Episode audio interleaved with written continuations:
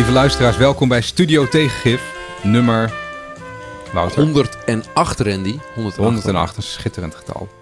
Wiemar, jij bent er ook uh, weer bij, fris en fruitig. Hoe, uh, hoe zit je erbij? Fruitig. Goed, ik heb net even hard gelopen. Ik had even, mijn energie was niet helemaal goed. Ik dacht, ik ga even een half uurtje rennen. Ik ben eigenlijk wel uh, fris, fris nu.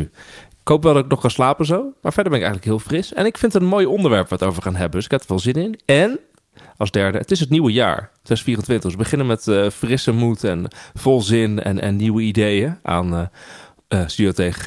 Dus ik denk dat jij straks gaat vertellen wat we allemaal precies gaan doen. Ja, um, nou laat ik, dat, laat ik dat nu maar doen. Wij hebben, wij hebben even goed ervoor gezeten of we nog een nieuw seizoen gaan maken. En dat hebben we volmondig gezegd, dat gaan we doen. Um, en we hebben, we, hebben, we hebben bedacht van, nou ja, wat is nou de meerwaarde van deze podcast in onze ogen?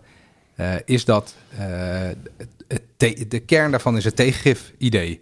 Dat we iets proberen te bieden wat in de, in de normale media, zijn we überhaupt media, weet ik niet.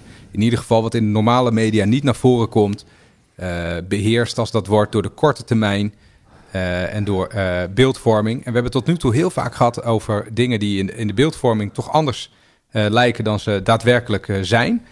Uh, en we hebben, we hebben nu bedacht dat we ons op die lange termijn willen gaan focussen. Dus als we niet oppassen, dan rennen we in Nederland als een, als een hondje achter ons eigen staartje aan. Uh, met z'n allen. En wij proberen, uh, bevrijd als we zijn van kijkcijferverplichting of wat dan ook.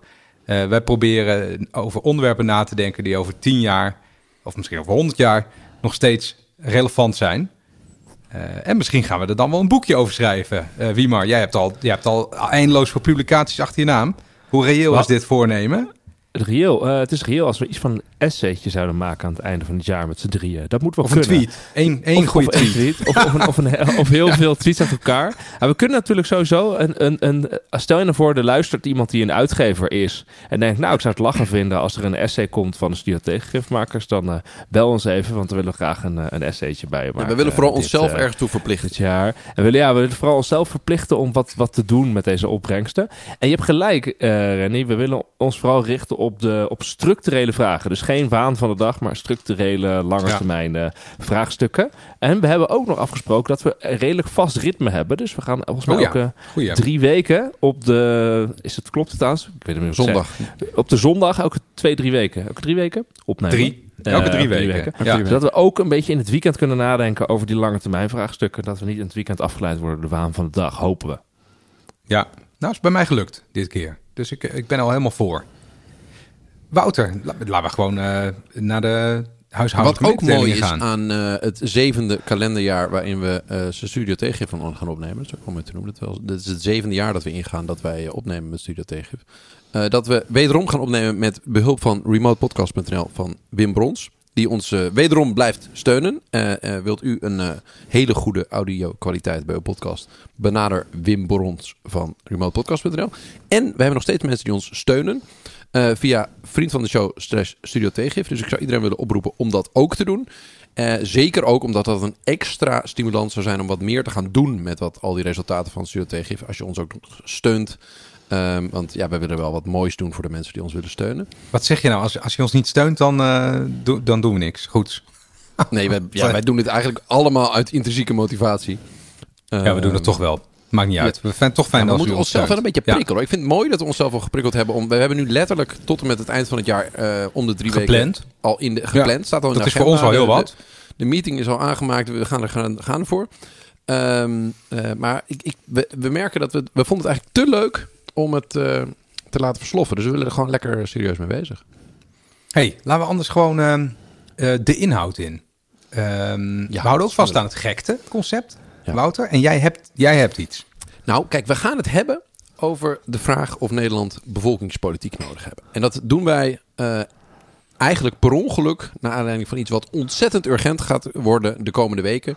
Namelijk een uh, staatscommissie die zich bezighoudt met de demografie. Er is een staatscommissie demografie. Uh, En die gaat binnenkort met, die heet eigenlijk Staatscommissie Demografische Ontwikkelingen 2050. Dus die gaat er eigenlijk over de vraag van hoe staat het met de bevolking in Nederland uh, tussen nu en 2050.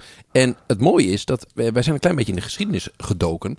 En wat heel maf is, en dat zou je wel gek te kunnen noemen, is dat de vorige keer dat er een staatscommissie over demografie was, was dat de staatscommissie Muntendam. En um, dat was de staatscommissie over het bevolkingsvraagstuk. Uh, die werd in 1972 opgericht. Dus echt, nou, laten we zeggen, 50 jaar geleden dat ja. Nederland goed nagedacht heeft over wie vormen eigenlijk onze bevolking en hoe gaat zich dat de komende jaren ontwikkelen. En in 1975 kwamen die met een eindrapport. En we hebben dat ook bekeken. En het is fascinerend om te zien wat er toen allemaal voor voorstellen aan nou, de politiek of aan de maatschappij werden gedaan door zo'n hele serieuze staatscommissie. Um, uh, en, en, dat nu te lezen in 1975. Dus dat er waren allerlei voorstellen om eigenlijk um, te stimuleren dat mensen niet te veel kinderen gingen krijgen. Dat, dat immigratie afgeremd werd. En ook emigratie uh, gestimuleerd werd. En, en nog mooier vond ik eerlijk gezegd dat Piet Muntendam, die was een uh, P van de A, uh, en dat was een Groninger. En het was een arts. En Piet Muntendam was ook nog eens heel actief en ook nog voorzitter van de Vereniging voor het Vrijwillig Levenseinde. Oh, hij nam het heel kunnen... serieus. Het, uh, hij nam het echt serieus, die overbevolking. Ja. Uh, en het was, ik vond het echt fascinerend om erin te duiken. En het is eigenlijk heel maf dat het pas de tweede keer is dat uh, een, het, het hoogste adviesorgaan dat de kroon als het ware kan inroepen, een staatscommissie, uh, zich buigt over ja, de bevolkingssamenstelling van Nederland. Maar laten we even een heel, heel lollig, lollig zijpaadje dan. Wat is nou een staatscommissie dan? Want uh, toen wij net even de voorbespreking hadden, toen, toen daagde het pas bij mij van... hé, hey, dat is een heel chic klinkend woord, maar hoe zit dat, uh, hoe zit dat eigenlijk? Ja, dat ook dus even opgezocht. Het, uh, het moet dus inderdaad door de kroon worden, worden vastgesteld, de commissie. Er is dus ook een benoemingsbesluit. Dus er is nu een benoemingsbesluit, Staatcommissie Demografische Bevolking 2050. En dat wordt dan dus ook in de staatscourant wordt dat dan uh, gepubliceerd. Is het uh, op 7 september 2022 is deze staatscommissie dan uh, in de staatscourant terechtgekomen. En die heeft dan een uh, bijvoorbeeld een, een taak. Hè? Dus de staatscommissie heeft tot taak aan de regering te adviseren over scenario's, beleidsopties en handelingsperspectieven van de regering in relatie tot de maatschappelijke gevolgen van de demografische ontwikkelingen, in het bijzonder van vergrijzing en migratie, tenminste tot ja. 2050 en tegen de achtergrond van een brede welvaartsbenadering. Dit is het laatste wat ik voorlees, maak je geen zorgen, Randy. Ja, um, nee, ik, ik en dan, en dan vervolgens, ja. ja. en dan vervolgens uh, wordt er dus ook gezegd dat er dan um, dat er dus een eindadvies moet zijn voor 1 november 2023. Nou, daar zijn we overheen, dus dat is, uh, dat is mislukt. Um, aan onze minister van Sociale Zaken en Werkgelegenheid. Bla bla bla bla. Maar deze, staat ergens een ontsnappingsclausule. Je kan ook. Um, voor 1 februari 2024 een eindverslag aanbieden. En dan kan je ook gelijktijdig het eindrapport insturen. Nou, dat zetten we nu, want het zit bijna 1 februari 2024. Dus het wordt inderdaad nu uh, uh, naar buiten gebracht. Maar dat moet dus ook gewoon van de kroon. Want staat in staatscourant. Ze moeten ja, voor 1 februari klaar zijn. Dat is de deadline ja. die je kunt krijgen in je leven. Ja, dat staat in opgelegd van door de, de koning. Ja, en het is Ik dus moet... interessant.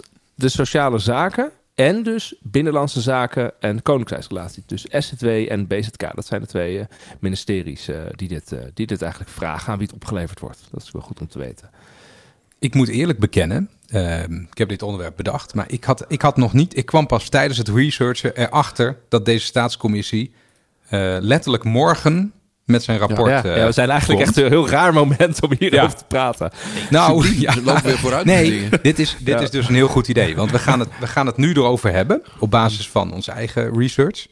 Uh, of onze eigen research. Dan klinkt het zo alsof het een soort alternatief is. We gaan het hier gewoon over hebben. Zoals we het over dit, dit onderwerp wilden gaan hebben. En wat mij betreft gaan we dan een, een tweede uh, ronde doen. Als dat rapport er is. En dan uh, betrekken wij ook dat boek van, van Hein de Haas. Hoe migratie werkt erbij. Dat is maar één aspect ervan. Maar dat is, dat is een hartstikke leuk boek wat 22 mythes over migratie behandelt. En dan doen we gewoon een tweede ronde. Dus dan vergeten we nu even dat het ja. morgen uitkomt. En dan gaan we het er gewoon lekker over hebben. Is dat... Uh... Is dat Lijkt goed, me een heel Bart? goed idee. Nu al het, is wel, het is wel spannend wat er morgen dus komt. Hè? Want toch even, toch Ja, even leuk denk ik om zeker. even terug te kijken naar die, naar die commissie Muntendam. eh, die dus in 1972 begon. Dat was dus inderdaad in het tijdsgewicht dat het idee was dat, er, dat Nederland te vol werd. Hè? Dus dat er, dat er te veel bevolking was. En dat er dus minder eh, eh, mensen in Nederland moesten komen. Ehm, en ik heb, eh, nou, er is een heel mooi NRC-artikel eh, over, eh, over het rapport. Maar er staan echt dingen in. Nou, ik denk niet dat de staatscommissie dat morgen gaat adviseren. Maar er dus dingen in. Een rapport van 300 pagina's en dan 66 aanbevelingen hè, door die commissie met dan. 66. Er stond dus in. De rechtszekerheid rondom de abortus dient te worden beëindigd. Oftewel, eigenlijk moet het makkelijker worden, zeker om abortus te plegen. Sterilisatie moet optimaal worden benut. De pil moet vrij verkrijgbaar worden. Ja, ja. Ehm, ja. Ehm, en we moeten een stationaire bevolking van 13,5 miljoen eh, mensen hebben tussen 2020 en 2050. Dat is een beetje gelukt, gelukt. want er zit, op, bijna op de 18 miljoen. Ehm, en de, de immigratie moet, moet afnemen. En de, ehm, er moet dan een, een evenwichtig samengestelde bevolking eh, komen. En er moet eigenlijk gemiddeld 1,9 kind per koppel, per, per vrouw eh, komen. Is ook niet, is ook niet gelukt. Dat is ook niet gelukt. We zitten nu veel lager. Ik eh, begreep dat we nu zitten op eh, eh, 1,49 kind per, eh, per, per vrouw. Als ik het goed zeg trouwens. Maar 1,49 Nou ja, hou, kind. hou je vast. Het is, verder, het is nog verder gedaald. En ik ben 43. ja, wat, Ja, ja, ja, want dit was 2022. Oh, dus in 2023 nog verder gedaald. zeker. Ja. En het, het interessante is dat, dat in 2015, of sorry, nee, in, twee- in 1972, dat, dus, dat het laatste jaar was dat het eh, cijfer boven de 2,1 was. 2,1 kinderen. Ehm, en dat is eigenlijk het getal wat wordt genoemd als eh, de, de, de, de, de- ja, hoe, een, ehm, hoe een bevolking via eh, geboorte en sterfte op dezelfde zelfde grootte eh, blijft. Hè? Dus als je minder krijgt, eronder komt, dan, dan blijf je niet hetzelfde, vergroei je niet. Nou, sinds 1972 alleen maar omlaag gegaan. Ik weet niet of dat direct effect is van deze commissie, maar, maar het is wel vanaf het moment dat die ingesteld, ingesteld is, zitten we onder de 2,1. Nee, ja, dit, dit is dus. Laten we, ja, dat is een heel goed punt. Laten we, laten we daar gewoon even op verder gaan. En laten we eerst nog een heel klein beetje uitzoomen. Eh, want wij wisten dus helemaal niet dat dit, dat dit, eh, dat dit onderwerp heel groot ging worden. Eh, maar de reden dat ik het er in ieder geval over wilde hebben is dat, dit, dat dit echt heel lang, en misschien verandert dat dan nu, een heel lang een soort raar sluimerend onderwerpje is geweest. Waarbij als je het woord bevolkingspolitiek liet vallen, dan klonk dat in de oren van mensen of als iets uit de jaren 50, of de jaren 70 dan misschien. Of als, als iets wat vooral in de, in de marges van het, hoe zeg je dat, van het rechtse internet op belangstelling kan rekenen. En dan heb ik, dan heb ik het over, eh, dat zijn misschien, eh, moeten we even bespreken of dat nou echt wappie gedoe is of dat het ergens op slaat. Eh, angsten dat hè, de, eh, de samenstelling van de bevolking zo radicaal verandert dat mensen hun land eh, niet, meer terug, eh, eh, niet meer terugzien. Mensen als Elon Musk die het erover hebben dat mensen meer, meer kinderen moeten hebben, omdat anders eh, westerse samenlevingen helemaal instorten. Ehm, in heel veel landen, zoals Hongarije en Rusland, heb je, ja, ik noem het allemaal fokprogramma's. Ik, ik weet, Mhm. hoe moet je dat eh, anders noemen? Ja, dus in Hongarije hoef je geen belasting te betalen als je drie kinderen, geen inkomensbelasting te betalen als je meer dan drie kinderen hebt. Haalt allemaal niks uit, blijkbaar. Hartstikke, hartstikke interessant. Eh, en tegelijkertijd eh, eh, is die discussie voor Nederland toch best, best relevant. Als je kijkt hoe dicht Randy, bijvoorbeeld het ik land denk vooral dat door al die, eh, doordat het schijnbaar praten over bevolkingspolitiek, de, doordat er allerlei eh, great replacement theorieën zijn en dat soort dingen, Ja, wordt dat, het ja. vies om erover te praten. Terwijl het eigenlijk heel normaal is om te praten over, als je dan een land of samenstelling met een bevolking en een wet en een rechtsstaat vormt met elkaar, dan is het heel logisch om te praten over wat vormt dan precies jouw eh, demos in je democratie. Wat is nou precies dat volk? En er zijn eigenlijk drie factoren die daar invloed op hebben. Gewoon de vruchtbaarheid, dus wordt er nog een beetje gefokt. Eh, de levensverwachting, eh, hoe oud wordt de boel? Ehm, en eh, de migratiesaldo, hoeveel gaat erin, hoeveel eruit, gaat eruit? En het, en het is, ik zie wel dat het dus een beetje een, een onderwerp is waar niet echt heel grondig over nagedacht en over gesproken wordt. En over scenario's wordt gedacht. Doordat het al heel snel in dat hoekje komt van dat er allerlei complotten of onuitgesproken eh, plannen zijn. Maar je moet het eigenlijk gewoon observeren. En vervolgens kun je in allerlei eh, eh, opties gaan denken, denk ik. Ja, klopt. En kijk, en het interessante is natuurlijk dat, dat in de jaren zeventig was er zo'n commissie omdat dus het is toen ook een eh, boek gekomen van Paul Ehrlich 1968 de population bomb. Dus het gaat erover van, van oké er is een populatiegroei die is zo enorm eh, die, die- een, een, een ploffing die ervoor zorgt dat we eigenlijk niet meer met elkaar samen kunnen leven dat we te, te, Ja. te- de welzijn te veel omlaag gaat we elkaar Malthusiaanse niet, Malthusiaans we kunnen niet voor elkaar zorgen we hebben niet genoeg eten en drinken eh, ehm, de, de, de wereld gaat kapot zeg maar. Ze moeten met minder mensen. En dat was toen het idee. Ehm, en nu gaat het natuurlijk niet zozeer. Nu gaat het vooral. Er zitten natuurlijk heel veel zaken over als de vergrijzing, immigratie. Dus het gaat niet zozeer over. Er moeten minder mensen ehm, in, in Nederland komen. Maar het gaat meer over de vraag: oké, hoe gaan we om met de vergrijzing? En hoe gaan we om met, met immigratie? Oh, dat is echt een heel ander soort aanleiding. Ja, ja, wat is de achtergrond van de mensen? Ehm, dat is echt een heel ander soort, soort debat dan de jaren zeventig. Dat is wel goed om te zien. Maar want ik, de ik wil wel jaren even benoemd 70 hebben. Oh, sorry. Ja. Nou, ik wil de even jaren benoemd hebben dat het dus 70 van alle tijden is om te zeggen dat er te veel mensen zijn en daar de noodklok over te. Dat, dat doet de mensheid al tijden. Ja, Ja, maar toch, Klopt, toch, klopt. toch is het voor mijn gevoel heel, heel erg veranderd. Eh, een beetje, nou ja, toch wel een beetje zoals Wiemar zegt. Van toen, toen was het, eh, eh, we moeten niet te veel kinderen krijgen. En nu, we krijgen helemaal geen kinderen. We krijgen hartstikke weinig kinderen. precies. precies. Ehm, ja. Dus het, het draait veel meer Nu om wordt het- migratie ja. nu. Ja, nu draait veel meer om migratie. Want eh, vanaf eh, 1972 is Nederland eigenlijk alleen maar structureel gegroeid door immigratie. Door een netto meer immigranten dan emigranten. Dat is gewoon wat er aan de hand is. Want in 1972 was de laatste keer dat het cijfer, eh vruchtbaarheidscijfer op eh, 2,1 of hoger was. Dat is gewoon wat er aan de hand is. Hey, en, het grappige was dat die commissie dus ook zei... We, wilden een gebundel, we willen een, adviseren een gebundelde deconcentratie van wonen, werken en recreëren over Nederland. Dus het idee van, moeten de mensen beter spreiden over Nederland. Het wordt te druk in de steden. Welzijn neemt daar af. En dat is dat. natuurlijk wel nog, dat is natuurlijk allemaal niet gebeurd. Ook nooit gelukt. welzijn- Dat is maar wel de- een maar- bi- bijzonder invloedloos rapport eigenlijk. eh, als je het zo... eh, Nou, dat weet ik niet. Ik denk wel dat. eh, de- kijk, je kunt het, het, eh, de- het causale verband lastig vaststellen. Maar er zijn wel, dus na, de, dus halverwege de jaren zeventig, zijn er heel veel trends geweest van. Eh, hele verdere uitbouw bouw van allerlei Phoenixwijken. En, Ja, en het waar. idee dat mensen wat meer Ja, vierkante meters willen. Dat ge- gezinnen werden kleiner. En dus heel veel beleid lijkt wel ehm, voor te komen uit de eh, constateringen over hoe het met bevolkingssamenstelling gaat. Ja. Ik, en misschien is het leuk met, met het risico dat we een beetje van de hak op de tak gaan, maar dat is ook eh, grote kracht van, van, van dit concept.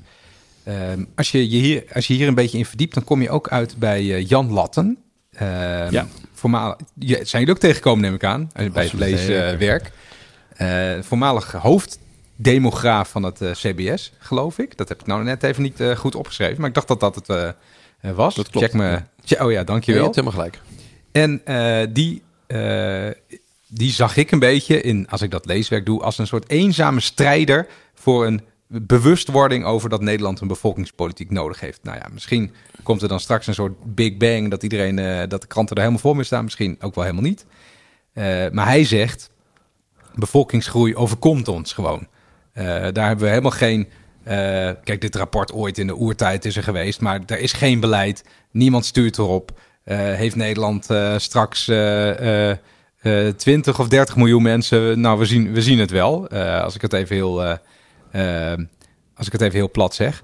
En hij zegt ook: het aantal autochtone Nederlanders neemt af. Dus 100%, en dat was ook afgelopen jaren zo, 100% van de bevolkingsgroei, die heel aanzienlijk is, komt door migratie. Ja, wil je dat wel? Ehm, hij, hij, hij, zegt het, hij zegt het alleen maar. En hij zegt, nou ja, vroeger had je Muntendam inderdaad. eh, dat rapport wat, eh, eh, wat jij noemt, Wiemar. En toen kwam de pil. En toen veranderde eigenlijk alles. De pil was er al, maar die werd gigantisch populair. Mensen kregen opeens helemaal, helemaal geen kinderen meer over de hele wereld. Ja, natuurlijk ook nog meer. Hè? Ook nog ontkerkelijking en, en minder huwelijken. Dus natuurlijk ook andere Participatie van vrouwen op de arbeidsmarkt, eh, noem maar op. Absoluut, ja. En, en hij, hij maakt ook nog een heel ander, eh, wat ik heel interessant vond. Eh, eenzaamheid is een kernbegrip, zegt hij. Dus bijvoorbeeld in 1947, ik heb het niet, niet voor alle jaren hoor, maar in 1947 leefde 5% van de Nederlanders alleen. Bijna niemand. Nou, je was heel uitzonderlijk als je dat deed, was je gek. En eh, nu is dat een kwart, eh, bijvoorbeeld al. Eh, en je ziet dat ook, dat eenzaamheid heel erg, heel erg toeneemt. Het wordt echt een fenomeen, zegt hij. Dat is iets waar je iets mee moet straks. Dus dat is iets wat je snel over het hoofd ziet als je het over demografie hebt. Dan gaat het snel over wegen en scholen en bejaardentehuizen. Maar mensen leven op een manier waar ze, wat die niet goed voor hen is. Namelijk als groepsdier heel veel alleen in een hokje zitten. Uh, slecht voor je gezondheid en zo. Maar betekent ook dat er gewoon een trend als uh, individualisering van de samenleving, dat dat er dus ook doorheen speelt. Hè? Dus gewoon van, je gaat, uh, je, je, hebt inderdaad, je hebt een eigen woning of een eigen, je gaat minder snel samenwonen, gaat minder snel trouwen. Je ziet trouwens dus ook natuurlijk op de, de, de oudere bevolking, dat die natuurlijk senioren, waarvan dan een van de twee overlijdt in een koppel, dat een van de twee ook langer thuis blijft wonen. Dat is natuurlijk ook een individualisering voor alleen ja. wonen, wat je ziet. Ja, Vroeger ging je naar het bejaardentehuis en zat je Precies. met elkaar aan tafel. Was misschien ook niet leuk, maar je was niet eenzaam. Uh, laatste punt wat hij noemt, uh, vond ik ook wel interessant. Hij zegt, nou ja, de diversiteit neemt toe uh, in het aantal soorten mensen. Afhankelijk van hoe je kijkt allemaal natuurlijk. maar hij zegt, en de, de, Wetenschappelijke Raad voor het Regeringsbeleid heeft daar ook een, een studie naar gedaan. Dat hoe groter de diversiteit in een wijk, hoe minder mensen zich thuis voelen. En het, uh, jij kent dat Wiemer, je hebt dat volgens mij ook wel eens ergens uh, genoemd in de afgelopen honderd afleveringen. En wat er dan gebeurt is dat de samenleving ontmixt. Dus mensen die uh, bijvoorbeeld significant veel rijker of armer zijn dan de meeste mensen in een wijk, die, die vertrekken daar als eerste. en dat geldt dan voor allerlei vormen met verschillende levensbeschouwingen aantal kinderen uh, of et, etnische achtergronden of culturele achtergronden. Mensen trekken zich terug in hun eigen um, groep, zegt hij. En dat, daar schijnt, dat is daar ook wetenschappelijk bewijs voor dat dat, dat, dat gebeurt. Ja, ik zei het nou, wel heel interessant, vond ik. Ik zei, ik zei het voor deze bijeenkomst dat ik even een lofzang op sociologen wilde geven hier. Want je ja. ziet dus inderdaad dat... Um, inderdaad, een Jan Latte, uh, maar nu ook Ruben van Galen van het CBS, die je veel van dit soort uh, dit soort uh, feitjes ziet uh, delen. Dat zijn dus allemaal sociologen. En onder andere dus ook vanwege de effecten die dus bevolkingsgroei uh, of bevolkingsverandering, demografische verandering hebben op inderdaad wijken, samenwonen, samenleven. Die effecten zijn natuurlijk enorm. Um, nog even goed, want ik, ik, ik, kwam ergens het officiële, in een column van, van, van uh, kwam ik een, het officiële regeringsstandpunt tegen. Ik denk dat dat nog steeds is. Het uh, regeringsstandpunt um, naar aanleiding van de commissie uh, Muntendam, en die blijkt nog steeds uh, te bestaan. De Nederlandse regering voert geen expliciet bevolkingsbeleid dat het doel heeft een gewenste ontwikkeling in de omvang en samenstelling van de bevolking te realiseren. Dat klopt. Dat is op dit moment het standpunt. We doen niks. Geen beleid. De vraag is ja. dus wat, het nieuwe, wat een nieuwe reactie wordt op de nieuwe staatscommissie uh, die, die morgen met het rapport uh, komt. Nou, we weten het standpunt. Ja. Mag ik daar wat over zeggen? Want dat, is, dat is natuurlijk super interessant. Want um, een van mijn conclusies was. Uh, wacht even, nou, één, één uh, hinkstapsprongetje daar naartoe. Dat het, het lager, uh, het feit dat mensen minder kinderen krijgen en migratie, dat hangt één op één samen. Ja. Uh, dus doordat we rijker zijn geworden door vrouwenemancipatie, gewoon economische groei en culturele veranderingen die een hogere welvaart mogelijk maken, krijgen mensen minder kinderen en trekken er meer migranten naar je toe. Uh, omdat je wel aantrekkelijk bent. Dus de meeste migranten gaan niet naar uh, Albanië, maar die gaan naar Nederland bijvoorbeeld. Uh, en dat, dat, dat is ergens ook weer nodig om het te accommoderen. Want ja, er zijn minder mensen die het werk ja. kunnen doen. Dus je, dan komen meer mensen naar binnen. dus het, het is, het is van, van tweeën één. en toen dacht ik, als je dus de bevolking nog verder wil dempen uh, of nee, sorry, andersom. Als je dus wil dat mensen meer kinderen krijgen, wat vaak aan de rechterkant wordt gezegd, uh, valt mij op. Hè, want daar is een toch het gevoel van de cultuur verandert te snel. We moeten meer Nederlandse baby's hebben en minder uh, immigranten, want dan, dan herkennen we onze samenleving wat beter. Mm -hmm. Maar als je dat wil doen, dan moet je zorgen dat mensen geld te besteden hebben. Want ik las een fantastische promotie, dus een uniek iets is gebeurd. Ik heb iemands promotieonderzoek gelezen. Dat is meestal een een boek met uh, uh, vier, uh, vier lezers. Doe, doe, ik elke aflevering, maar ga je Doe je dat elke aflevering? Ja, dat is gaan verder. Vijf lezers. Nou, dan moet ik ook de naam van die... Promovendus. De, de, naam van die kerel nog even ergens opzoeken. Ik heb het... Oh ja, hier. Daniel van Wijk. Ja, hartstikke mooi. En die heeft onderzocht... in Groningen, er komt heel veel goeds vandaan. Die heeft onderzocht... Ehm, wat zijn nou de factoren waar mensen minder kinderen krijgen... En eigenlijk, ja, dat is altijd een beetje jammer als het zo saai is eh, wat dat betreft. Maar mensen krijgen dus minder kinderen als ze weinig geld verdienen, als ze geen eh, eh, vast contract hebben en eh, als ze het gevoel hebben dat er onzekerheid is over eh, voorzieningen die ze, die ze nodig hebben. Eh, en toen dacht ik, ja, dat is nou precies linksbeleid. Dus er is echt een soort mismatch tussen eh, wat, wat allemaal gezegd wordt aan, eh, aan de ene kant en aan de andere kant van het politieke spectrum en wat gedaan wordt. Eh, en dat zie je ook terug in dat boek van Hein de Haas, die, die eigenlijk ieder aspect van, van het hele migratiebeleid Mag ik tot een mythe verklaart. Want ik, ik snap één ding. Je begrijpt, beschrijft nu dat onzekerheid, dus volgens die prachtige promotie van eh, meneer De Wijk, ehm, eh, eigenlijk een van de belangrijke factoren is waarom mensen minder kinderen maken. Dus waarom de vruchtbaarheidscijfers afnemen. Ehm, maar anderzijds heb je ook dat in de, de West-Europese samenleving ehm, juist het stijgen van de levensstandaard ervoor gezorgd heeft. eh, dat, en, en de ontkerkelijking en allerlei sociale normen ehm, die veranderen. eh, ervoor gezorgd, en, en de participatie van vrouwen op de arbeidsmarkt gezorgd heeft dat vrouwen veel later kinderen zijn gaan krijgen en gezinnen veel minder kinderen zijn gaan krijgen. Dus eerst is het zo ja. dat we rijker worden en minder eh, kinderen krijgen. Want ja, het, twee, of, of laten we zeggen 1,9 per, per gezin is toch best wel prettig leven. En niet 8. Ehm, eh, en aan de andere kant beschrijf je nu dat, er zelfs, eh, dat het nog verder gaat. Dat nu de, de, laten we zeggen, de mensen die een onzekere situatie in het leven hebben...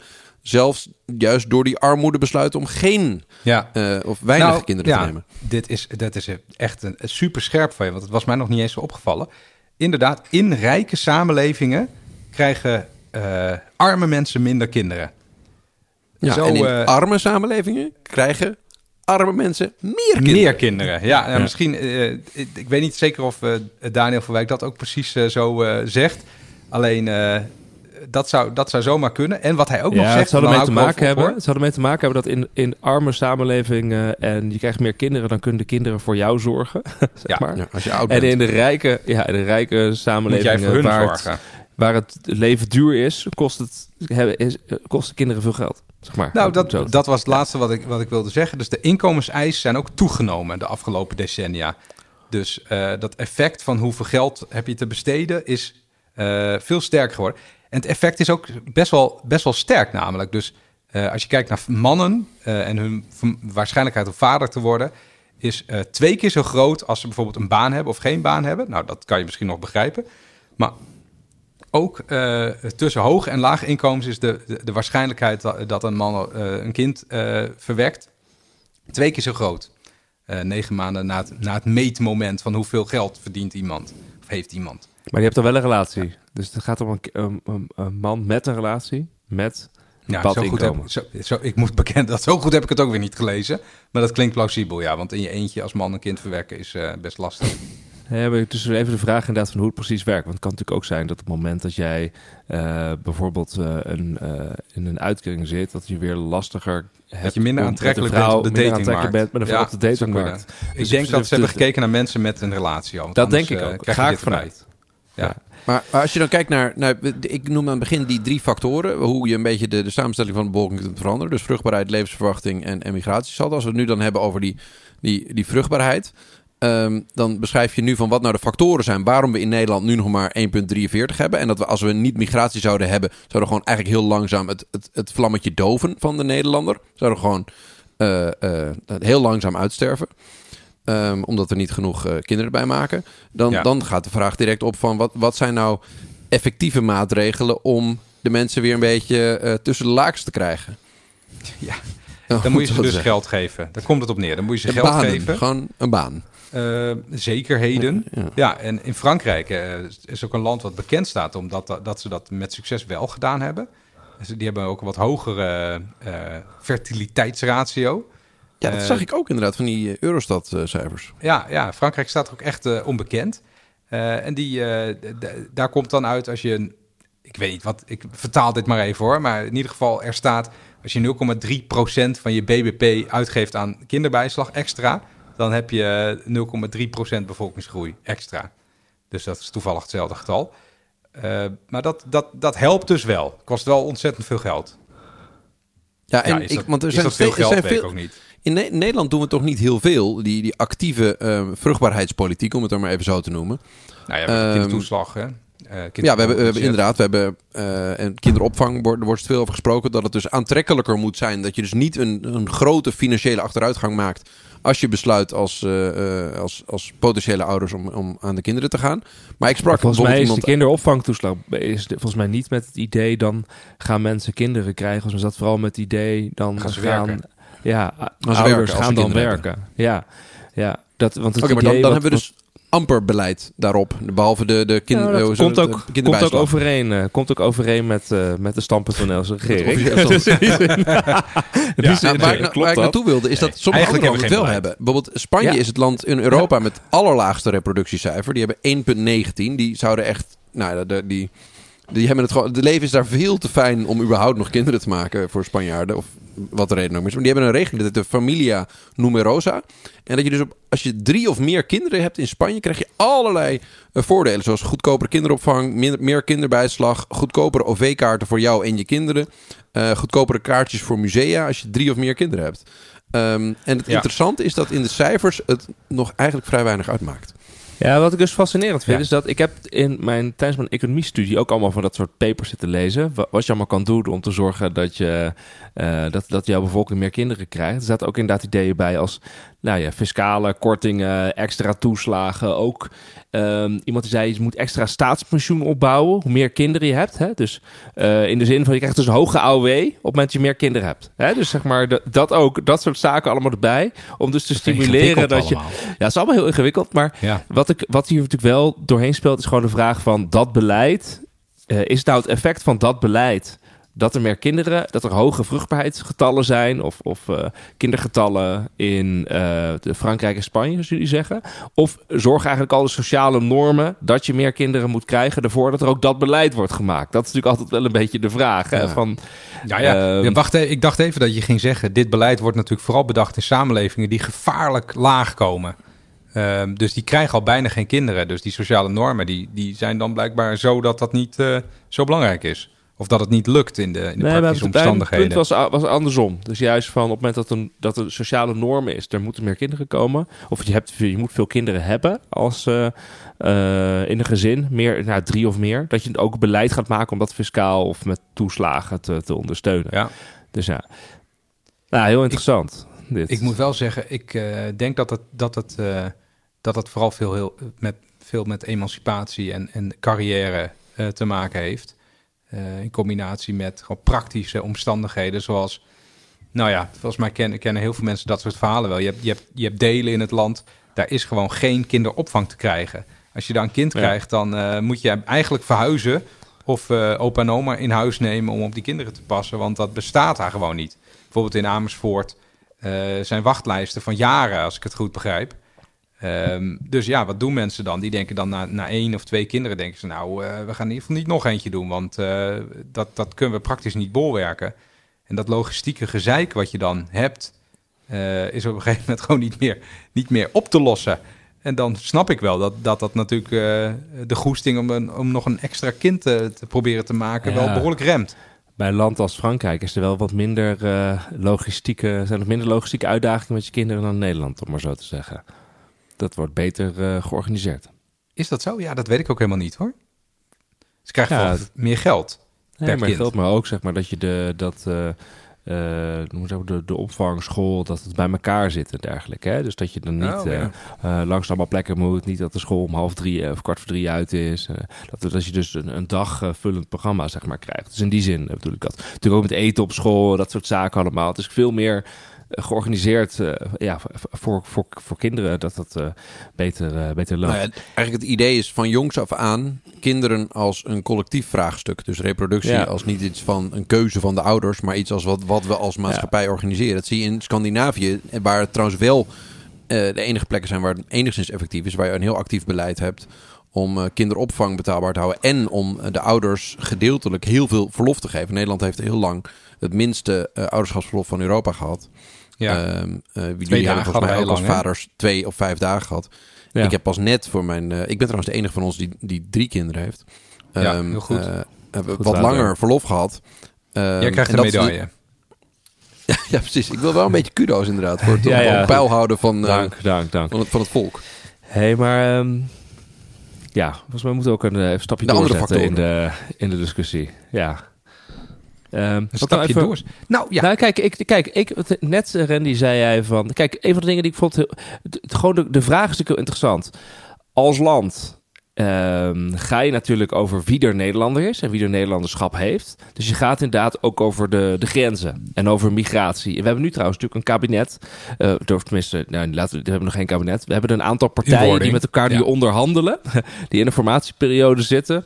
eh, en die mogelijk een kabinet gaan vormen. Maar in ieder geval migratie en vooral immigratie... minder migratie. Ja. immigratie, minder immigratie is een belangrijk standpunt. Dat is, wordt gezien als iets waar je politiek beleid op kan voeren. Waarom zou je dan niet, als dat wel eh, politiek steeds eh, geaccepteerder wordt, meer acceptabel wordt, waarom zou je dan niet over je geboorteaanwas eh, beleid kunnen voeren? Hè? Waarom zou dat dan niet kunnen? Dus wel over je buitengrenzen, maar niet over je eh, over, over Nou ja, eh, geboortes en sterftes. Waarom ja. zou dat niet kunnen doen?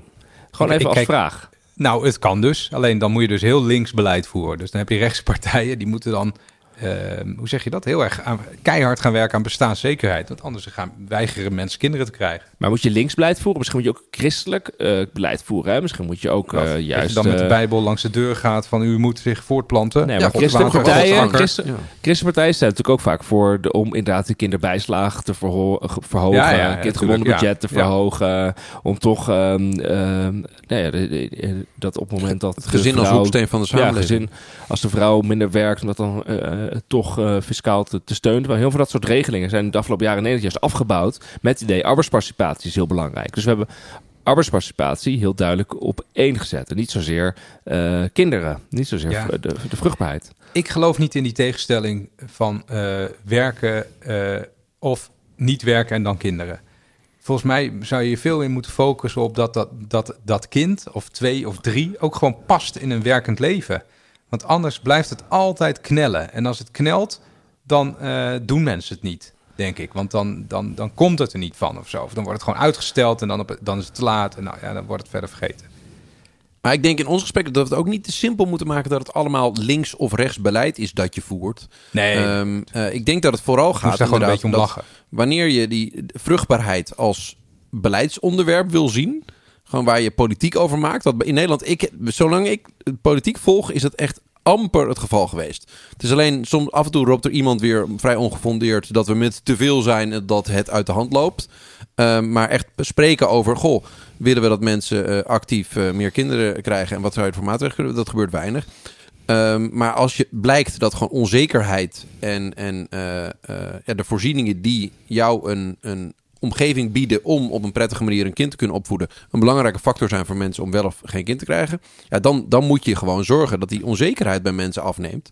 Ja. Ehm, en dan, dan, dan zal dat langzaam prikkels bieden, wat eh, eh, het Franse voorbeeld en het Scandinavische voorbeeld biedt. Maar aan de andere kant, ik wilde nog even toevoegen dat, dat we, we noemden een aantal factoren. Hè? Dus dat de levensstandaard omhoog gaat, mensen gaan minder kinderen krijgen, want ze willen lollige dingen doen, willen, willen eh, vrije tijd hebben. Ontkerkelijking, de kerk vertelt je niet meer dat je heen moet gaan en je moet vermenigvuldigen als je uit de kerkbankjes loopt zondag. om, om meer kerkgangers te produceren. Moet je Sociale normen. dan pas heen gaan. Ja. Flauw. maar je hebt Ja, nog twee sorry. andere factoren. En dat is het, eh, in mijn omgeving best wel het duurzaamheidsspook. Ik kreeg dus drie kinderen. Ehm, en ik, ik heb echt mensen die dan aangeven van ja, doe je dat nou bewust? Je, je zet wel weer extra kinderen op aarde. Doe je en, dat eh, nou bewust? eh, vind je dat, vind je dat, serieus? vind je dat Ja. wel oké? Ja, nee, je hebt echt mensen die je met, met, met twijfelende ogen aankijken van of het wel oké is om drie kinderen te maken met Ja, z'n tweeën. Want dan is er eentje meer.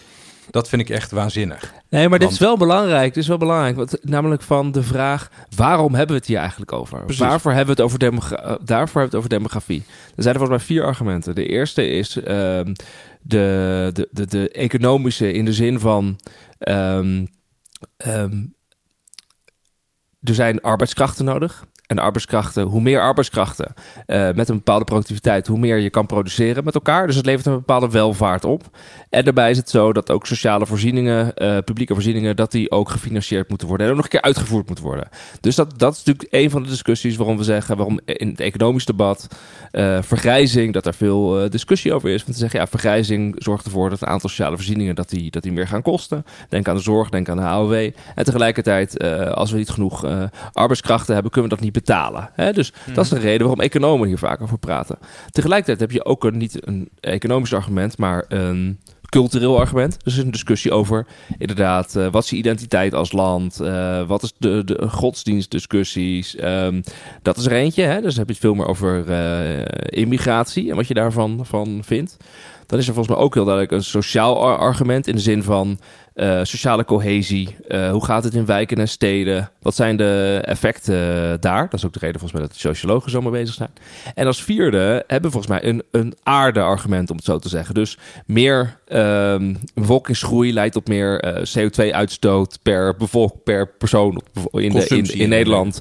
Meer consumptie, meer productie, meer vervuiling, meer, meer milieudruk. Dus het zijn allemaal argumenten waarom je over demografie een discussie kan voeren. Ehm, en ik vind dat dus ook heel interessant in dit eh, instellingsbesluit. In de instellingsbesluit staat, staat dus heel duidelijk... we gaan het hebben over ehm, in het bijzonder vergrijzing en migratie... Maar dan vanuit een brede welvaartsbenadering. Dus het gaat niet alleen over welvaart. Van er moet geproduceerd worden. In de zin van er zijn Ja, een aantal economen die vaak geld. zo naar kijken. Ja. Het gaat niet alleen over geld en over sociale voorzieningen kunnen we betalen Productie. Productie. Het gaat ook zeker over de welzijnseffecten of de milieueffecten of de cohesie-effecten van, van eh, noem het even, immigratie. Ehm, maar dat is denk ik wel een belangrijke, om, even die argumenten zo op een rijtje te zetten. Want volgens mij bepaalt dat dus heel erg de discussie. En dat vind ik ook, er zitten twaalf, volgens mij twaalf leden in die commissie. Het is echt een heel bond gezelschap. Hij zit er van alles door elkaar heen. Ja. Ehm, van, van, links naar rechts, van, van links naar politici rechts, tot wetenschappers. jong, oud, eh, politici tot wetenschappers, alles door elkaar heen. Omdat je volgens mij heel veel verschillende perspectieven kan hebben op, op demografische ontwikkeling. Ehm, en toch even eh, net, Randy. Je zei van op het moment. Een argument wat natuurlijk ook is, op het moment dat je met elkaar een bepaald welvaartsniveau hebt bereikt, ehm, leidt dat toe waarschijnlijk dat, er dus, dat de bestaande bevolking dat die minder kinderen wil krijgen of gaat krijgen, omdat Ja, hè, er wordt gewerkt en dergelijke. krijgen. Dat gebeurt gewoon dan. En ja. wat er ook gaat gebeuren is dat er waarschijnlijk dat, je, dat er toch eh, dat er arbeidsmigranten dat je naar die land willen komen. Want ja, je kan, eh, je kan er geld verdienen. Maar wat ook heel belangrijk is, de werkgevers of gewoon in de economie ontstaat er ook vraag naar arbeidskrachten uit het buitenland omdat je diezelfde welvaartsproductie wil behouden. En je hebt daardoor ook dus gewoon arbeidskrachten nodig. Dus er zit ook in je economie is natuurlijk een sterke vraag. eh uiteindelijk Ja. naar arbeidsmigratie in Europa bijvoorbeeld. Dat zie je ook heel duidelijk terug. En dat, dat is ook de reden waarom natuurlijk de werkgeversverenigingen in Nederland en de bedrijven, dat die ook altijd, eh die zijn heel positief zijn over, over arbeidsimmigratie. Nou ja, en daar zit ook, ik mocht van Wouter niet meer in links-rechts eh, schema's praten. Nee, Maar daar zit ook een soort gekke beknelling. Of daar zit ook iets geks, laat ik het zo zeggen. Eh, dat partijen die het hardst roepen dat ze migratie willen verminderen... eh, die hebben het het minst graag over het beperken van arbeidsmigratie. Want dat is, dat is Ja. weer iets wat, heel veel goed bij groter hun onderdeel past. van de migratie Ja, is dan... eh, dat is 80% asielinstroom. van alle migratie of zo. Hè? En da- daarvan kan je ook nog zeggen... Ik las in de Elsevier notabene, Wouter... dat een blad wat je altijd het schuim om de bek veroorzaakt, geloof ik. zei je laatst. Eh, best wel een goed stuk. Namelijk dat te veel arbeidsmigratie maakt ook bedrijven lui. Dus daar werd, Ja. ik weet niet hoe, hoe feitelijk dit allemaal is... hoor, maar het werd, voor de, het werd het voorbeeld van Japan genoemd... Ja. Daar doen ze eigenlijk niet aan migratie. Hè? Het ligt ook op een eiland en een beetje eh, in een gekke hoek van de wereld. Een beetje lastig allemaal. Eh, en de, hun economie is veel kapitaalsintensiever. Hè, daar staan ze ook onbekend met, met robots. En robots maken hun ding in plaats van, van arbeiders. Als je even heel erg chargeert. Eh, en, en als je dus eh, de, de, de grens maar wagenwijd openzet voor arbeidsmigratie... dan wordt het bedrijfsleven ook lui op het vlak van innovatie. Want in plaats van dat je dan een nieuwe machine gaat maken... hè, bij het afschaffen van de slavernij eh, werd, werd heel snel de, de, de katoenmachine, de katoenplukmachine... eh, kwam, sterker, kwam nog, naar voren. eh, sterker nog, er zijn gewoon economen die zeggen dat de, de, het vrij verkeer van arbeidskrachten door de EU, dat dat ertoe leidt dat Slecht de Europese, ja, Ja. dat Europese eh, innovatie eigenlijk eh, minder is. En dat de productiviteit daardoor in de Europese eh, Unie eigenlijk minder hard stijgt dan dat je het wel zou kunnen doen op het moment dat je minder makkelijk aan goedkope arbeidskrachten zou komen. Want dan zou je meer kapitaalintensief en meer met technologie, meer innovatie moeten werken. Maar jouw punt klopt natuurlijk van in dat de, het vreemde is dus dat er dan in de dat er dus politieke partijen zijn die voor economische argumenten zeggen: we hebben meer arbeidskrachten nodig, want dan Ja. kunnen we blijven produceren en we hebben welvaart. Maar dat is dus het economische argument. Maar ze zijn dus tegen op basis van het culturele argument. Dus je wilt geen arbeidsmigranten die dus cultureel een grote verandering maken eh, in, je, in je land eh, op gebied van identiteit of godsdienst of, of sociale normen of in wijken of in steden. Dus dan zit je natuurlijk een hele rare discussie.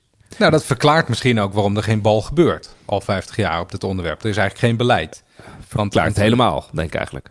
Ja, want aan de ene kant wil je het en aan de andere kant wil je het niet. Dus wat doe je dan? Dan blijf je lekker staan eh, waar je staat en je doet niks. Ja, daarom krijg je nu ook discussies van... Ja, kunnen, dan, kunnen dan niet eh, kennismigranten hè, of eh, ehm, eh, expats met een bepaalde hoge productiviteit... of bepaalde unieke capaciteiten...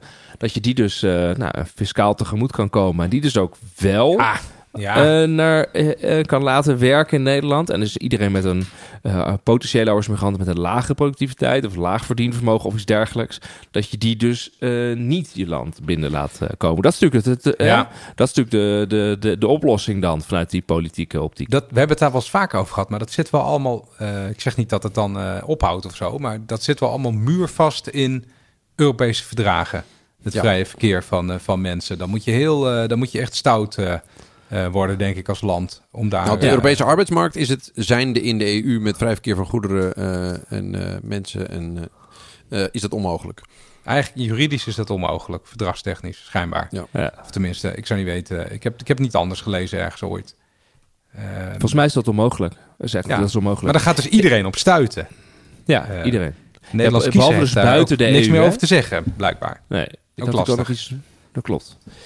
Ik dacht dus trouwens, ik zat er nog even te kijken, want eh, van eh, is het nou zo dat sinds het verdrag van Maastricht 1992, toen er dus eh, verklaard werd, er komt een EU-burgerschap, je mag je vrij verplaatsen, je mag overal verblijven in alle lidstaten, dat vanaf dat moment je ziet dat de immigratiecijfers in Nederland enorm toenemen. In ieder geval de, de, de, de, de groei van de Nederlandse bevolking heel erg toeneemt. Dat is dus niet waar. Ik, ik word een beetje Nee. verrast. Ik dacht dus dat het wel Nee. zo was.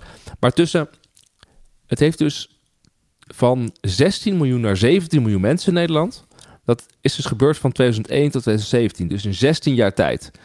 Eh, dus na het verdrag van Maastricht. Maar vanaf 2017 tot nu, 2024, zijn we dus 1 miljoen erbij gekomen. Dus zijn we naar Ja. 18 miljoen gegaan. Dat heeft maar 7 jaar geduurd. Dus je ziet wel in de afgelopen jaren een hele grote eh, dus een relatief grote toename van de bevolking eh, door immigratie. Ik denk dat dat ook een van de redenen is dat we nu dus weer zo een staatscommissie Dat we het eh, hierover hebben. hierover hebben. Omdat er echt een, een ver- verandering is in de trend, volgens mij. Ik denk dat je het heel goed kan verklaren door vergrijzing overigens. Dat er gewoon arbeidskrachten nodig zijn. Maar Ja, je nou ja, voor- ik, ik, ik zit nu, ik zit nu eh, naar een grafiekje te kijken. Misschien bedoel jij ook zoiets over de, bevolkingsgroei, de netto bevolkingsgroei. ja, Mhm. Ehm, en dat is, eigenlijk, dat is eigenlijk steeds iets van 100.000 per jaar. Dus er is helemaal niks te zien rond bijvoorbeeld 1992. nee. Eh, Nee, het enige wat. Het, juist in jaren dat de economie heel goed ging, een beetje rond 2000 eh, bijvoorbeeld, eh, daalde het gigantisch. Eh, ik weet ook nog wel dat toen eh, de, er meer mensen emigreerden uit Nederland weg dan er hier naartoe kwamen, wonderlijk genoeg. Maar het is vooral de Oekraïne-oorlog die tot een gigantische inflow ja, dat is eh, van 2022. mensen heeft geleid. Ja, dus in Duitsland, ik wist helemaal niet dat het zoveel waren, maar in Duitsland zijn 1,2 miljoen Oekraïners op dit moment. Ja. Ja, het is hier om de hoek ook een Oekraïens restaurant, of twee, twee Oekraïense restaurants eh, op 100 meter afstand. De- de mensen lijken zich ook allemaal hartstikke goed aan te passen, spreken nu al Nederlands. Het is ook omdat ze over het algemeen eh, blank zijn, dat ze, dat ze zo natuurlijk makkelijker ertussen komen dan als ze er heel anders uit zouden zien, denk ik dan ze ook zomaar. Dat geldt ook voor, voor al, die, al die vluchtelingen die toen uit eh, de Joegoslavië-oorlog naar Nederland kwamen. Daar hoor je nooit meer iemand over. Dat waren hartstikke veel mensen. Hè, dat, was, dat was de, voor de Dat was de was dat de grote... eh, piek ja, die, die in de Ja. grafiek kon zien, inderdaad. ja, hoor je nooit iemand over, over de integratie eh, daarvan. Dus het is ook, het is ook deels een soort, ja, ik wil niet alles maar zomaar racisme noemen, maar dat mensen aanhaken op huidskleur. Van, oh ja, dan, hè, dat- die great replacement. Misschien moeten we het daar nog eventjes over hebben. Hè? Dus waar al die wappies altijd mee komen. Oh, de Nederlandse bevolking wordt vervangen. Ehm, als je daar wat langer over nadenkt, dan is dat eigenlijk ook een soort... dan ben je een beetje te laf om echt racistisch te zijn. En dan kom je met een soort vage, vage theorie... dat de, de blanke bevolking wordt vervangen eh, door mensen met een kleurtje. Nou ja, ik ben zelf zo'n product van half, eh, eh, half wit, half bruin, zeg maar. Ik denk toch niet dat, dat ik een soort intrigant ben die hier de Nederlandse samenleving komt ondermijnen door, eh, door, door blanke mensen te vervangen. Het is gewoon een totaal, totaal onzin frame. Wat heel Ja, ik, vind wel, ik is. vind wel dat, dat jouw rants een zeer destabiliserende effect hebben op de Nederlandse samenleving. Dus misschien moet je daar wel mee Nog niet genoeg. dan. Ja. nou, dit, dit, is gewoon, dit is gewoon stelling van Welling. Eh, eh, De beste verklaring hier is weer gewoon dat het gewoon chaos, incompetentie en toeval is. En ik denk dat het ook wel drie verklaringen zijn die het, het bevolkings, de bevolkingspolitiek van de afgelopen 50 jaar verklaren. Want er zit niet een vooraf gesproken plan achter. Want de Er grootste is geen impact plan. op onze Ja. bevolkingssamenstelling zijn dus events zoals de. Joegoslavië-oorlog en Ja. de Oekraïne-oorlog. De pil. Ehm, en en, en de, ja, de, de be- bevolkingsbeperking en uiteindelijk de vrije keuze van mensen. En wij vinden, Ja. eh, dat, en dat zit denk ik wel diep cultureel, dat reproductie een, een puur... Ja, we hebben dat gezien als iets wat onder de vrijheid van het individu valt. Ehm, en dat heeft tot gevolg dat we er ook heel weinig eh, grip op eh, hebben. Wat, wat- wat- er is een Maar er zit nu wel een ander ding. U mag door, maar er zit ik wil wel nog een even over wat levensverwachting hebben. Is prima, maar de, de vergrijzing leidt er wel toe, echt nu, dat je gewoon wel ziet dat er structureel een positief migratiesaldo is. Gewoon, er wordt, is gewoon een wens voor arbeidskrachten uit het, uit het Oh ja, ja, buitenland. Ziet gewoon dat de natuurlijke aanwas is nu dus aan het afnemen. Hè? Dus zeg maar in, in Nederland. We zijn, we, we zijn, we willen gewoon... ja, dat daalt eh, al. Dat deel van de bevolking krimpt al. Ja. ja. Dus er is gewoon een natuurlijke aanwas en een min. Eh, dus het enige, we krijgen- komen de plus door een positief migratiesaldo. En de, de vergrijzing en tekort op de arbeidsmarkt hebben er zeker daardoor een, een effect op. En nu mag jij, Wouter, sorry. Nee, eh, ik wilde eigenlijk eh, aansluiten wat je zei. Inderdaad, voor eh, 2023, vorig jaar, de cijfers zijn onlangs zijn op 1 janu- eh, 4 januari door het CBS gepubliceerd. Zijn er 5000 mensen meer overleden dan geboren. Ja. Dus de, de, onze bevolking neemt gewoon af. Ehm, en vergrijst. Ja, dat is de, de, de, hoe zeg je dat? De autochtone bevolking bedoel je dan? Nou, de wat, mensen die reeds Nederlander zijn. Het, het hoeft Ja. niet autochtoon te zijn. Of de, Nee, precies. niet- De mensen die hier al maken waren. met- ja. Precies, die mensen die eh, Nederlands staatsburger zijn. Ehm, eh, maar wat ik dan... ten eerste mensen die dus pleiten voor zo'n eh, actieve eh, migratiestop... ongeacht van of het scholen gaat om arbeidsmigratie... of asielinstroom of vluchtelingenstromen. Ehm, eh, dat, ja, dat, dat is... Economisch is dat niet uit te leggen. dat dat je plan is. Dus wat, wat Wiemar heel goed deed, is eigenlijk die, die scheiding maken. Dat je eigenlijk vier discussies door elkaar heen aan het voeren bent: een culturele, een sociologische, een, een economische. Ehm, maar ook eentje over je collectieve voorzieningen en wat die druk aankunnen. En ehm, we hebben het heel veel over vruchtbaarheid gehad. We hebben het heel veel over migratie gehad. Maar wat, wat de, de, de pijler waar ik het nog een beetje over hebben wilde... over onze, onze bevolkingssamenstelling, als dat mag van jou, Randy... is onze levensverwachting. Dus die vergrijzing die jullie maar net even aanhaalden... dat we dus steeds ouder worden... en dat er dus op de gehele bevolking... die, die vroeger had je altijd... Dus de, dan, dan publiceerde het CBS wat... en dan zag je de piramide, weet je wel. Er waren heel veel jonge mensen... en dan werden er steeds wat minder... En op een gegeven moment had je dus de babyboom. En dan werd het als het ware iemand met een hele dikke buik. Want daar zat ergens een soort bubs met al die babyboomer Jij, jij, bent generaties. nu, jij bent nu de vorm van een grafiek aan het beschrijven. Wat, wat, eh, Ja, dat is, ja ik ben, ik, voor de luisteraar, ik ben het letterlijk aan het uitbeelden. En nu Ah. zie je dus dat een heel groot gedeelte van de Ja, mensen... jij deed dus- een soort YMCA. En toen dacht ik opeens, hé, hey, hij heeft het over de bevolkingspyramide. Ja, Ja, dat, dat- ja, precies. De- dat wordt, klopt. ik denk dat dat een trend gaat worden. Dus de bevolkingspyramide dans. Ehm, eh, dat de, dus steeds meer mensen zijn de, de, niet meer binnen de participatieve bevolking. Dus die zijn Ja, niet de meer... grijze in- druk neemt toe. De grijze druk Ja, neemt precies. toe. En er zijn, de, de in, de, er zijn meer inactieve, steeds meer inactieve ten opzichte van de actieve. Ja, dat klopt. En, en wat ik interessant vind, is dat het ehm, eh, ook... eh, dat heeft één, één eh, een demo- democratisch heel lastig verschijnsel. Namelijk dat het jonge volk tot en met 18 stemt niet. Ehm, en het oude volk stemt allemaal wel. En het bestaat gemiddeld gezien uit ook nog eens vrij trouwe stemmers. Eh, Die weinig tegen beleidsmaatregelen tegen, die tegen hun belang ingaan stemmen. Dus pensioenleeftijden, AOW's en zo. Dat zit allemaal eh, geramd omdat er steeds meer van die oude lui komen. Ehm, eh, en de jonge lui zijn nog niet heel democratisch actief. Ehm, en ten tweede is het zo dat het spreken over ehm, hoe gaan we daarmee om met dus die steeds meer vergrijzende bevolking en het kleiner gedeelte van de actieven. Dat is, eh, gebeurt in de politiek niet echt eh, als het ware planmatig. Dus dat er echt gekeken wordt naar wat zijn nou de aantallen, wat zijn de verwachtingen, wat zijn de scenario's die we daarop kunnen hebben en wat zijn de beleidsopties die er dan zijn. Waar kun je over praten? En daarom noemde ik aan het begin dat ik het zo fascinerend vond dat die Muntendam in 19, eh, tussen 1972 en 1975 ook nog eens voorzitter was van de Vereniging voor Vrijwillig Levenseinde.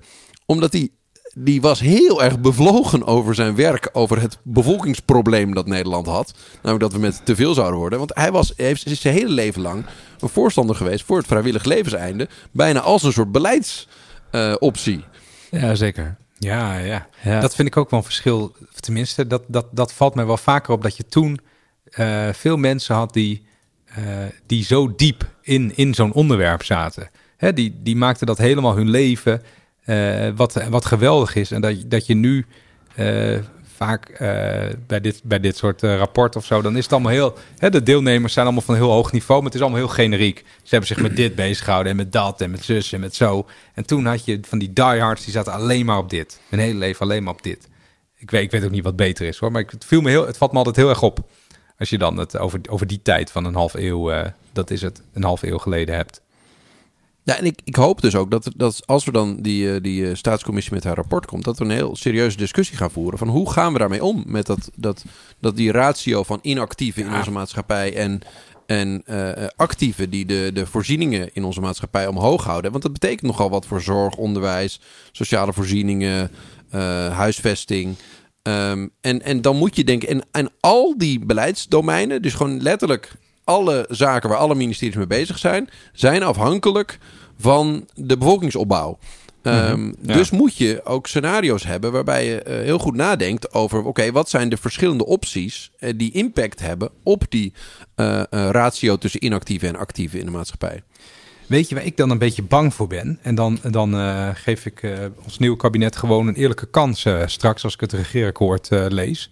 Dat, me- dat meen ik serieus. Dan ben ik dan. Kijk, zij willen migratie bijvoorbeeld beperken. Daar geldt, dat geldt hetzelfde voor als, als wat jij nu zegt over eh, eh, het percentage inactieven in de samenleving. Zij willen migratie beperken. Als wij dat zo bespreken, dan, dan zeggen we op heel veel punten: ik zou niet weten hoe je dat doet op een, eh, op een normale manier. Waarbij dan ook nog gespeeld dat de partijen die dat willen, de belangrijkste, de beste kans om het te beperken, namelijk arbeidsmigratie, juist weer niet willen. Dus dat kan wel eens totaal vastlopen eh, in allemaal, ehm, ja, juist allemaal symbool, symboolbeleid, hè? Eh, beeldvormingsbeleid. Dus we hebben die spreidingswet eh, binnenkort in de Eerste Kamer, volgende week. Die spreidingswet die gaat erover, wat doen we? Hoe vangen we mensen, asielzoekers op die hier nu al zijn? Dus dat heeft helemaal geen bal te maken met instroom bijvoorbeeld. En toch is dit nu het brandpunt geworden van... Helemaal gepolitiseerd. ja, helemaal gepolitiseerd. Er is geen, alle burgemeesters van Nederland zijn voor die wet. Eh, want anders krijg je, on, krijg je wanorde in de straten en mensonerende toestanden eh, in Ter Apel, wat dan totaal eh, overloopt en mensen moeten, moeten buiten in de modder slapen. En toch is dit dan het brandpunt geworden voor groepen, partijen, bewegingen die de migratie willen beperken. Dat gaat het niet doen. Dat is gewoon het saboteren van het opvangsysteem voor mensen die hier al zijn. Ehm, en als, als ik dan zo zie dat er eigenlijk maar bar weinig mogelijkheden zijn om de bevolking te sturen, eh, inclusief hoeveel mensen hier dan komen, eh, dan ben ik bang dat, dat, we, dat we dat nog heel veel gaan zien de komende jaren. Dus allemaal symboolpolitiek, allemaal ophit, ophitserij en allemaal een toenemen van polarisatie en haat tegen buitenlanders, omdat we geen echte eh, goede beleidsvoorstellen krijgen straks eh, om er wat aan te doen. Wat je er ook van vindt, hè? Eh, Maar zij willen, zij willen daar iets mee. Eh, en ik, ik ben dus heel benieuwd wat, wat er dan komt. Ja, de grote druk wordt natuurlijk... eh, de grote druk inderdaad, bijvoorbeeld de woningvoorraad... eh, ook op so- op sociale voorzieningen... wordt eigenlijk vooral dus die arbeidsmigratie. Want die gaat Ja. enorme vormen aannemen. Echt enorme vormen. Niet alleen eh, vanuit Europa, maar ik denk ook van buiten Europa... eh, met kenniswerkers en dergelijke. En daar komt de grote, grote vraag te liggen. Hoe gaan we dat doen? Gaan we, gaan we werkgevers weer ver- ver- verplichten of vragen... om dingen voor hun te werknemers te, bouwen? te organiseren, huis te bouwen? Gaan ze dat zelf doen? Ik bedoel, grote partijen, grote bedrijven die internationaal werken, doen dat natuurlijk al gewoon. En die verplaatsen gewoon onderdelen van een bedrijf die maken gewoon nieuwe locaties op plekken waar wel arbeidskrachten zijn. Hè. Ze gaan gewoon hop, eh, op een andere plek dan eh, het Europese continent zitten. Dat wordt Ja. ook wel heel interessant hoe dat zich, dat, eh, hoe dat zich gaat ontwikkelen. Want ja, we zien inderdaad... we zitten natuurlijk nu al op een, aan het begin van de hoogtepunt van ehm, de, de vergrijzing. In de zin dat de babyboomers nu eh, eh, eh, ehm, Met pensioen met gaan. pensioen zijn, Ja. met pensioen gaan. Eh, dat is ook de reden waarom die geboorte natuurlijk geboorte aan was. Dat dat natuurlijk nu vet in de min gaat. Omdat er gewoon een hele cohort aan babyboomers komt. Wat op een bepaald moment overlijdt. En tegelijkertijd worden er heel weinig. Die zijn met grote gezinnen zijn die gekomen. Hè? Hele veel grote gezinnen na de Tweede Wereldoorlog. Die gaan overlijden. En er komen weinig. ehm, eh, Ja, weinig, het probleem is dus dat ze nieuwe- steeds ouder worden. Ja, oké, maar in die end, uiteindelijk op in 2040 of zo, hebben we dat hoogtepunt Ja, het is gehad. eindig, ja. hè? Dus het is eindig. Er zit een soort hobbel. Eh, Ze en daarna komt niet er- onsterfelijk. ze worden niet onsterfelijk. En daarnaast komt er dan gewoon heel erg de vraag: arbeidsmigratie. Hoe gaan we daarmee om? Hoe gaan we, hoe gaan we met arbeidsmigratie om? Hoe gaan we zorgen dat we daar voldoende woningen voor hebben? Hoe gaan we dat organiseren met elkaar? Ehm, dat is eigenlijk een veel groter vraagstuk dan, dan eh, hoe, wat doen we met eh, Ter Apel. Kijk, en de reden waarom Ter Apel denk ik ook zo'n belangrijk punt is, heeft natuurlijk gewoon te maken met, eh, wat hebben we nog niet genoemd, het, het essay van onze Paul Scheffer in 2000, het multiculturele drama, dat natuurlijk heel erg op die cultuurkant, hè, als je argumentatie Ja, Je hebt, zit in die commissie. hè? cultuur zit. Ja, weet ik, ja, cultuur. precies. Ja, Sociaal. Dus de, dus de sociale en de culturele gevolgen van, van die migratie, eh golf toen. Eh, dat zit toch heel erg in onze gedachten. Na Pim Fortuyn nu natuurlijk. eh, de, de, de, groei van, van Wilders zit heel erg op die eh, tendens. En niet zozeer op Europese arbeidsmigratie, op de kenniswerkers. Ik ga, dat ook, ik ga dat ook nog een keer lezen, dat, dat essay. Want ik ben daar namelijk totaal niet van overtuigd dat er een multicultureel drama is. Dus dat, ik heb altijd het gevoel dat dat zo ontzettend wordt overdreven. Ehm, hoeveel, kijk, kijk, kijk om je heen. En misschien is het allemaal niet representatief, maar mensen die, die nou, zoals ik zelf, afstammen van eh, eh, migranten. Eh, ja, ik, over, ik ben, ergens voelt dat een beetje als overdrijven. Maar zoveel mensen zijn geweldig en totaal geïntegreerd en leveren een bijdrage aan de samenleving. Dus om te doen alsof we een soort vijfde kolonne hebben in Nederland die, die als een soort parasiet op de samenleving zit en geen Nederlands wil leren en niet wil werken, dat is gewoon dikke onzin. En dat zie je ook in, in misdaadstatistieken. Dat daalt ook voor, voor groepen die bekend staan als crimineel. Dat daalt al decennia keihard. Eh, tot, totdat het, tot het punt dat het bijna onder, onder misdaadcijfers van Nederlanders komt. Daar is zoveel goed nieuws op dat. eh, dat is ook een van die mythes die eh Hein de Haas in zijn boek doorprikt. Ja, dat de kinderen van ehm, eh, tweede graadse migranten het gemiddeld gezien op de arbeidsmarkt beter doen dan autochtonen. Dat- oh, is het zelfs zo erg? Of ja, zo goed? Dat, dat ja. zat in het boek van Heinaas. Ja, ja. Ja, maar dan gaat Ja, het dus niet om de niet economische gelezen. argumenten. Dat is natuurlijk het. Nee, het gaat gaat er dus dat niet maar om- je- Het daar zijn geen dus economische bij- argumenten. Het zijn dus niet de economische argumenten. Het zijn dus die sociale en culturele Nee, argumenten ik- die doorslaggevend zijn. Probeer ik net te zeggen. Die culturele angst, die Ja. is ook deels eh, helemaal niet waar.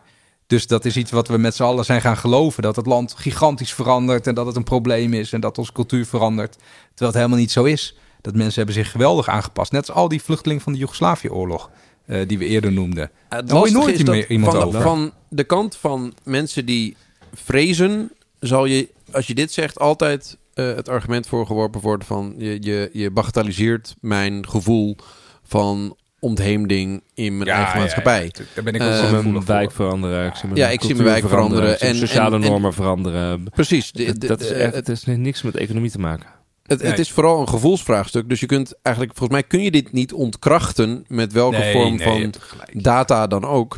Ehm, maar het gaat over het gevoel dat mensen hebben van verandering. Ehm, en eh, vooral, vooral bij de mensen die eh, aan de onderkant van de samenleving, in ieder geval de economische eh, saam- onderkant van de Ja. samenleving zitten, Ja. van het, het, het gevoel van verdringing op de arbeidsmarkt. Ehm, en of dat nou is door arbeidsmigranten of door mensen die, eh, die via een asielprocedure het land binnenkomen. eh, maakt Ja. niet uit. Ehm, die zien gewoon eh, dat ze zich niet meer... Nou, komen we weer bij die Arlie Hochschild uit. Nou ja, en, Hey, en- trouwens- en daarom hou je ook verkiezingen. Hè? Dus eh, mensen hoeven ook niet naar mij te luisteren. Dus eh, bij de stembus geven ze aan wat ze ervan vinden.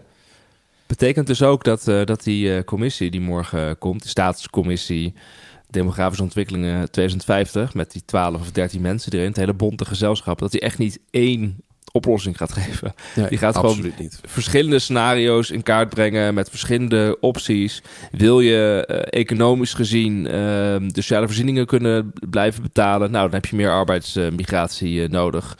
Eh, vind je de cultureel, sociaal heel belangrijk? Dan moet je een andere keuze maken. Als je, als je de, de, de, de, de voortgang van de aarde of de CO2-uitstoot, de vervuiling, is dat heel belangrijk vindt, moet je weer een andere keuze maken. Dat, dat is natuurlijk wat er, wat er aan de hand is. Dus ze gaan dan ergens zeggen, nou ja, eh, volgens mij is nu de, de laatste raming van CBS is dat er we 2 miljoen mensen erbij krijgen in 2070 en 3 miljoen mensen erbij in sorry, 2 miljoen erbij in 2050 en 3 miljoen erbij in 2070. Ehm, ja, en dan, da- daar kan je een beetje omheen bewegen met beleid. Ik ben heel benieuwd wat dat beleid dan is. Ik ben het eens met je. Ik weet niet wat, welk beleid je echt kan voeren. Eh, maar je weet in Ja, ieder geval ja. dat vooral migratie is natuurlijk heel onzeker. Je weet echt niet welke kant het op gaat. Ik las, ik las ergens, ik weet niet meer wie deze geweldige quote eh, voor zijn rekening nam, maar in de, in de, in de, in de stukken hierover las ik. Eh, alleen het machinegeweer is echt effectieve Ja. bevolkingspolitiek. Ja, dat was Nou. wel ik las het Ja. ook ergens. Ja, ja was super mooi. Ja, ja. Nou, hey, zullen we gewoon eh, stoppen nu? En dan ehm, komt binnenkort eh, deel 2. Dan gaan wij dat boek lezen. Ik stuur het aan jullie op en we gaan het rapport lezen. Dat download je zelf maar. En dan gaan we eens even kijken of, of we dan een beetje verder komen. Ja, nog laatste gok. Hoeveel mensen wonen er nu in Nederland? Ik kwam dus achter dat CBS dat hij dus een bevolkingsteller heeft. Oh, eh, Gok eens 7,9 even. Die loopt miljoen. live mee. Ja, hij loopt live mee. Oh, Oh. we hebben vana- vandaag, op dit moment. Jij zei, hoeveel zei je? 17,9 miljoen. Ja, maar je moet wel op de, op de inwoner nauwkeurig. Oh jeetje, eh, eh, 17 miljoen 936.000 en vier inwoners. Wouter, gok eens. 17 miljoen 940.000. Sorry. Zit op 17 miljoen 959.691 mensen op dit moment. Zondag 14 januari om eh 21.53 uur volgens het CBS. Dus ik vind wel dat wij eh, er we allebei behoorlijk 18 miljoen. dichtbij zaten, uh, Wiemar. Ja, ja, nou oké, als je een compliment wil, wauw, wat goed gedaan. Nou ja, ik vind het goed voor jou, Wouter. Fantastisch, fantastisch. En van. Ik heb, een, he- foutmarge. ik heb een hele basisschool eh, uit de atlas zitten lezen omdat ik me verveelde. Dit is, dit, is niet, eh, dit is niet een Job Cohennetje van hoeveel kost een brood. Eh, dat, dat je het dan niet weet. Wist je trouwens ook wel, wie, maar dat wij in de allerdrukste gemeente van Nederland wonen? Dat zag ik in een van die CBS-cijfers. Den Haag is verreweg de drukste gemeente van Nederland met Wat betekent dat? 6.712 inwoners per vierkante kilometer. Ja, het kan, zou ook wel eens te maken kunnen hebben met de arbeidsmigratie vanwege alle kassen die we in de buurt hebben. Nou, die, zit- die zitten er nog niet eens bij, want die staan niet eh, ingeschreven allemaal, denk ik. Jullie hebben iets van 50.000 eh, arbeidsmigranten, geloof ik, in eh, de wijken Ja. rondlopen. Ja, Nee, best, er, zijn, er is ook wethouder beetje- en wethouder die zegt dat, dat inderdaad, als je het hebt over dat ze het economisch begrijpen, dat er arbeidsmigranten nodig zijn, maar dat ze de sociale en culturele gevolgen in de wijken wel heel erg ver vinden, vinden gaan. Ja, het is altijd dat zo die balans uit dan, balans is. Je moet altijd beginnen met ik begrijp het, maar... Nou, moet gewoon, eigenlijk moet je tegen het Westland zeggen... donder op met die mensen. Huisvest ze zelf in je, eigen, eh, in je eigen gemeente. Want ze werken allemaal in het Westland. Daar doen ze allemaal eh, werk wat ongelooflijk weinig toevoegt aan de economie. Ondertussen worden ze uitgebuit en leven ze in erbarmelijke omstandigheden... met acht mensen op een kamer. En de mensen die daaronder en boven wonen... die zijn ook allemaal echt niet... eh, echt niet blij. En goed voor de economie, wat, wat altijd wordt beweerd, is dat, is dat ook in het bijzonder niet. Levert allemaal heel Maar ik weinig denk dus op. dat je dit soort beleid gaat krijgen. Dus beleid want dat, dat gaat aangeven. eh, werkgevers die arbeidsmigranten eh, ehm, eh, nodig hebben en die gebruiken in Huisvesten, hun- huisvesten dan ook maar. Moet, die moeten ze huisvesten binnen de grenzen van hun eigen gemeente. Nou, als dat Ja, beleid hoe- zou worden, als dat beleid dat zou worden, werkgevers zouden arbeidsmigranten moeten huisvesten binnen de grenzen van hun eigen gemeente. Ik ben heel Ja. benieuwd wat dat effect daarvan is. Ik weet niet of ik hiervoor ben, maar ik ben gewoon echt wel benieuwd. Iemand Nou, kan... dat, dat gaat keihard ondermijnd worden. Want dan moet je een soort vergunningsstelsel hebben voor arbeidsmigratie. Eh, dat mag vast allemaal niet van eh, de genoemde Europese verdragen. Nou ja, in- maar inderdaad, ik ben, we, la- we gaan dit vervolgen. En dan ligt het regeerakkoord er waarschijnlijk. Gaan we die rapporten lezen. Gaan we dat boek lezen. En dan eh, kunnen we onszelf eh, even corrigeren op alle domme dingen die we vandaag hebben gezegd. Helemaal goed. Akkoord. ja. Ja, Demografie, back op de politieke agenda. Was leuk. ja. Nou, bedankt voor eh, het luisteren. Bedankt, Wiemar, Wouter. En dan Bedankt Wim Brons van remotepodcast.nl. Wederom voor de sublieme opname voor de luisteraars die we nog over hebben. Ik vond het een leuk onderwerp, jongens. Weer een, een, een beetje inhoudelijk, eh, structureel eh, vergaand eh, onderwerp. Hoofdstuk 1 van onze essay. Helemaal goed. Tot over drie weken.